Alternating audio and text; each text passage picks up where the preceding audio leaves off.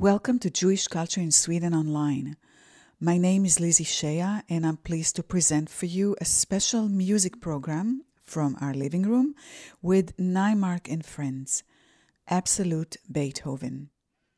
I wish you all a pleasant listening.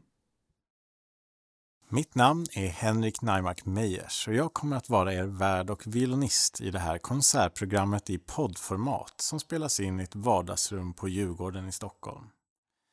Och det känns nästan som att vi ska lajva en scen ur Fanny och Alexander fast i april när vi sitter här redo att spela kammarmusik. Men innan vi sätter igång och lämnar över det här programmet till musiken ska jag passa på att introducera mina vänner och medmusiker som sitter här med mig idag. Och de är Antonio Hallongren på cello. Rika Reppo på viola. Alva Press på violin. Och vid flygeln Thomas Rudberg.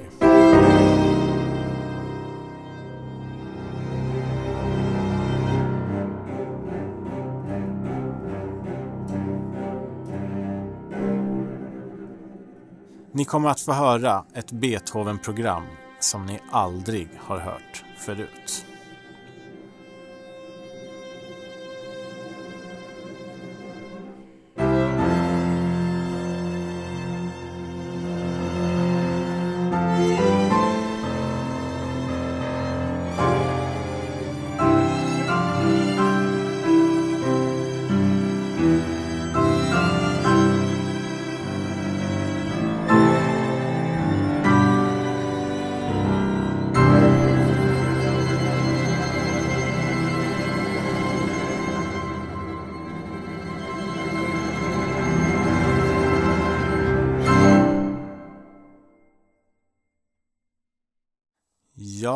Jag vet inte om det där sista var riktigt sant, men jag har alltid velat göra en sån där dramatisk storfilmsintroduktion. Och den där lilla signaturmelodin är ju som kanske några av er redan vet inte musik av Ludwig van Beethoven, utan musik komponerad av en annan tysk tonsättare som hette Richard Strauss. Och man kanske känner igen den från någon film eller kanske till och med reklamfilm. För det är nämligen så att den här musiken av någon anledning väcker väldigt starka associationer. Vissa ser kanske rymdens oändlighet medan andra tänker på en grön kulle med jätteren vit tvätt som somrigt fladdrar i vinden. Ingen av bilderna är fel, men i just det här fallet så finns ett sorts facit. För det vi just hörde är kanske vårt mest berömda exempel på så kallad programmusik. Alltså deskriptiv musik som är skriven efter en utommusikalisk handling eller berättelse som i det här fallet bygger på Nietzsches filosofiska verk Alltså sprach Zarathustra. Och för er som av någon konstig anledning inte hörde det så är den här musiken tänkt att illustrera en litterär bild där profeten Zarathustra hälsar solen välkommen. Och anledningen till att jag börjar med fel tonsättare och med fel typ av musik är för att vi i det här programmet ska försöka gräva i det mest intressanta och samtidigt kanske mest meningslösa ämne man kan tänka sig för ett musikprogram, nämligen musik och mening. För vad handlar musik som varken har en tydlig berättelse eller titel om? Musik där det inte finns någon direkt koppling till en bok, en dikt, en soluppgång eller en tavla eller något annat som ger oss någon sorts inre bild att hänga upp musiken på. Vad handlar handlingslös musik om egentligen? Det vet inte jag och jag kan avslöja att ingen annan vet det heller. Men det finns i varje fall ett begrepp som brukar användas för att beskriva just sån musik. Och det är så kallad absolut musik, eller ren musik, som är en lite obehagligare synonym för samma sak. Och det är den här rena, handlings och ordlösa musiken som Ludwig van Beethoven i första hand förknippas med. Och innan vi har vecklat in oss alldeles för djupt i grumliga frågor och begrepp så ska vi slänga oss ut i Beethovens första utgivna verk, Opus 1 för pianotrio i C-moll.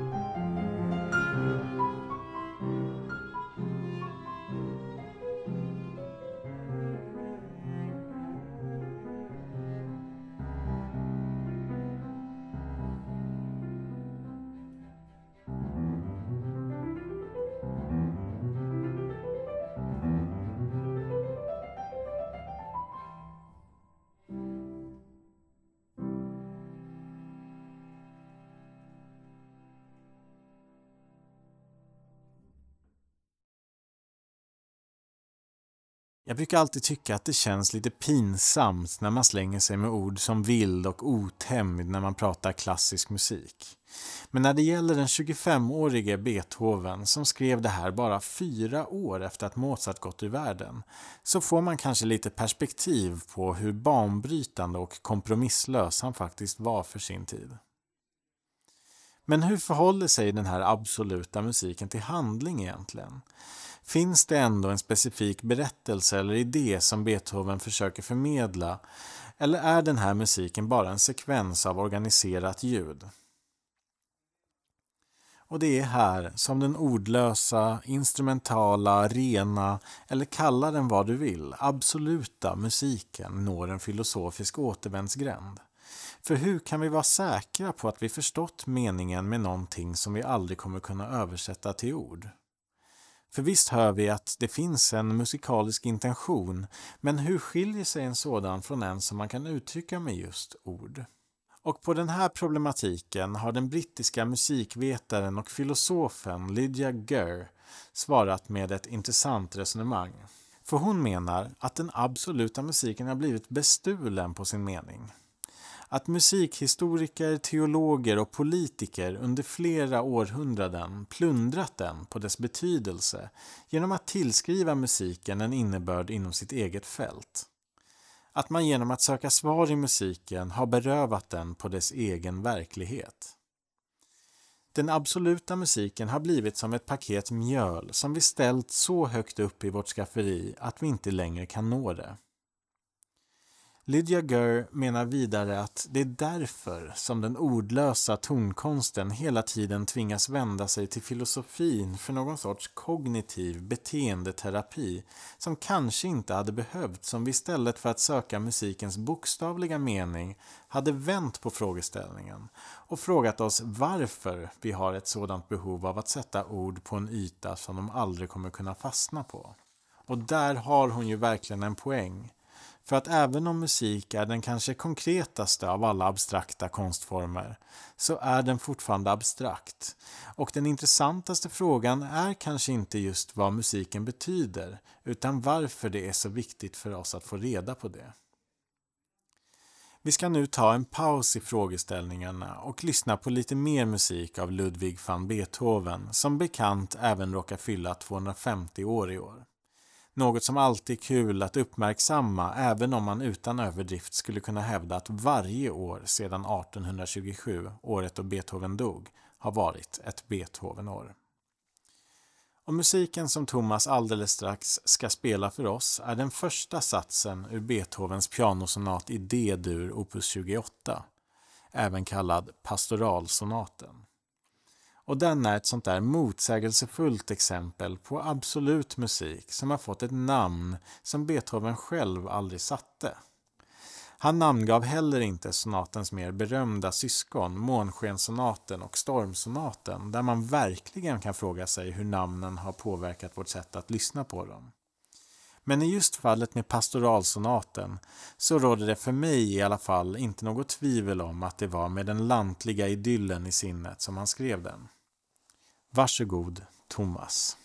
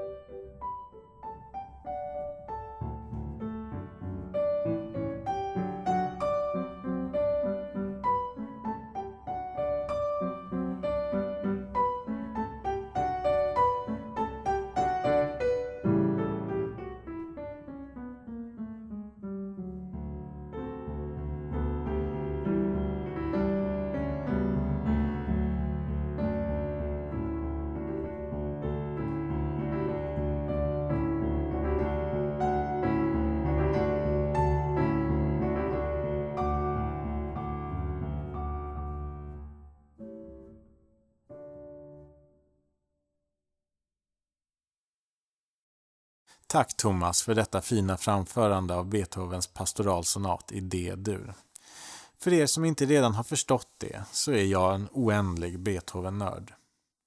Hemma hos mig hittar man minst två porträtt, en byst och en hel hyllsektion avsedd för Beethoven-biografier och annan facklitteratur av varierande torrhetsgrad.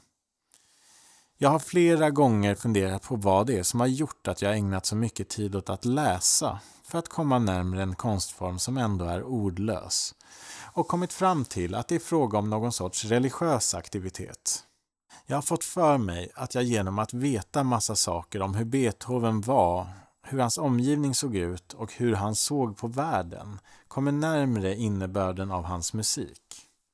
Och även om jag förstår att det kanske inte är så, så har jag blivit besatt av känslan av att förlänga musiken med en sorts berättelse, nämligen den om Beethoven. För om det är någon svaghet som musik har i jämförelse med ord eller bildkonst så är det kanske just det att den är så väldigt flyktig. Den har precis som vi människor en bestämd tid och är därför enligt min mening också den ultimata metaforen för våra tankar och känslor medan ordet och färgen har en mer betryggande och varaktig karaktär. Som ni hör så tillhör jag dem som ställt det där mjölpaketet på en hylla som jag inte riktigt når upp till. Och det är precis så jag vill ha det. Vi ska nu avsluta den här hemmakonserten med att spela den långsamma satsen ur Beethovens första stråkkvartett. Och det fina med den här musiken är att den också sätter punkt för alla frågor om musik, mening och ord som jag helt obekymrat strött omkring mig här idag. För i manuskriptet till musiken vi ska spela har Beethoven med tunn handstil skrivit följande ord i marginalen. Han tog på graven hopp. Han tog sitt liv, den sista sucken. Ord som helt klart är hämtade från en annan stor konstnär, nämligen Shakespeare. Det ligger i människans natur att vilja kategorisera och kanske framförallt i dessa dagar diagnostisera. Men när det gäller konst så är gränserna alltid flytande. Och vare sig man hör den här musiken som en slutscen i en kärlekshistoria eller något helt annat så kommer det alltid att vara Beethoven. Och med dessa toner säger vi hej då för den här gången och tack till er som lyssnat på den här lite annorlunda Beethoven-konserten.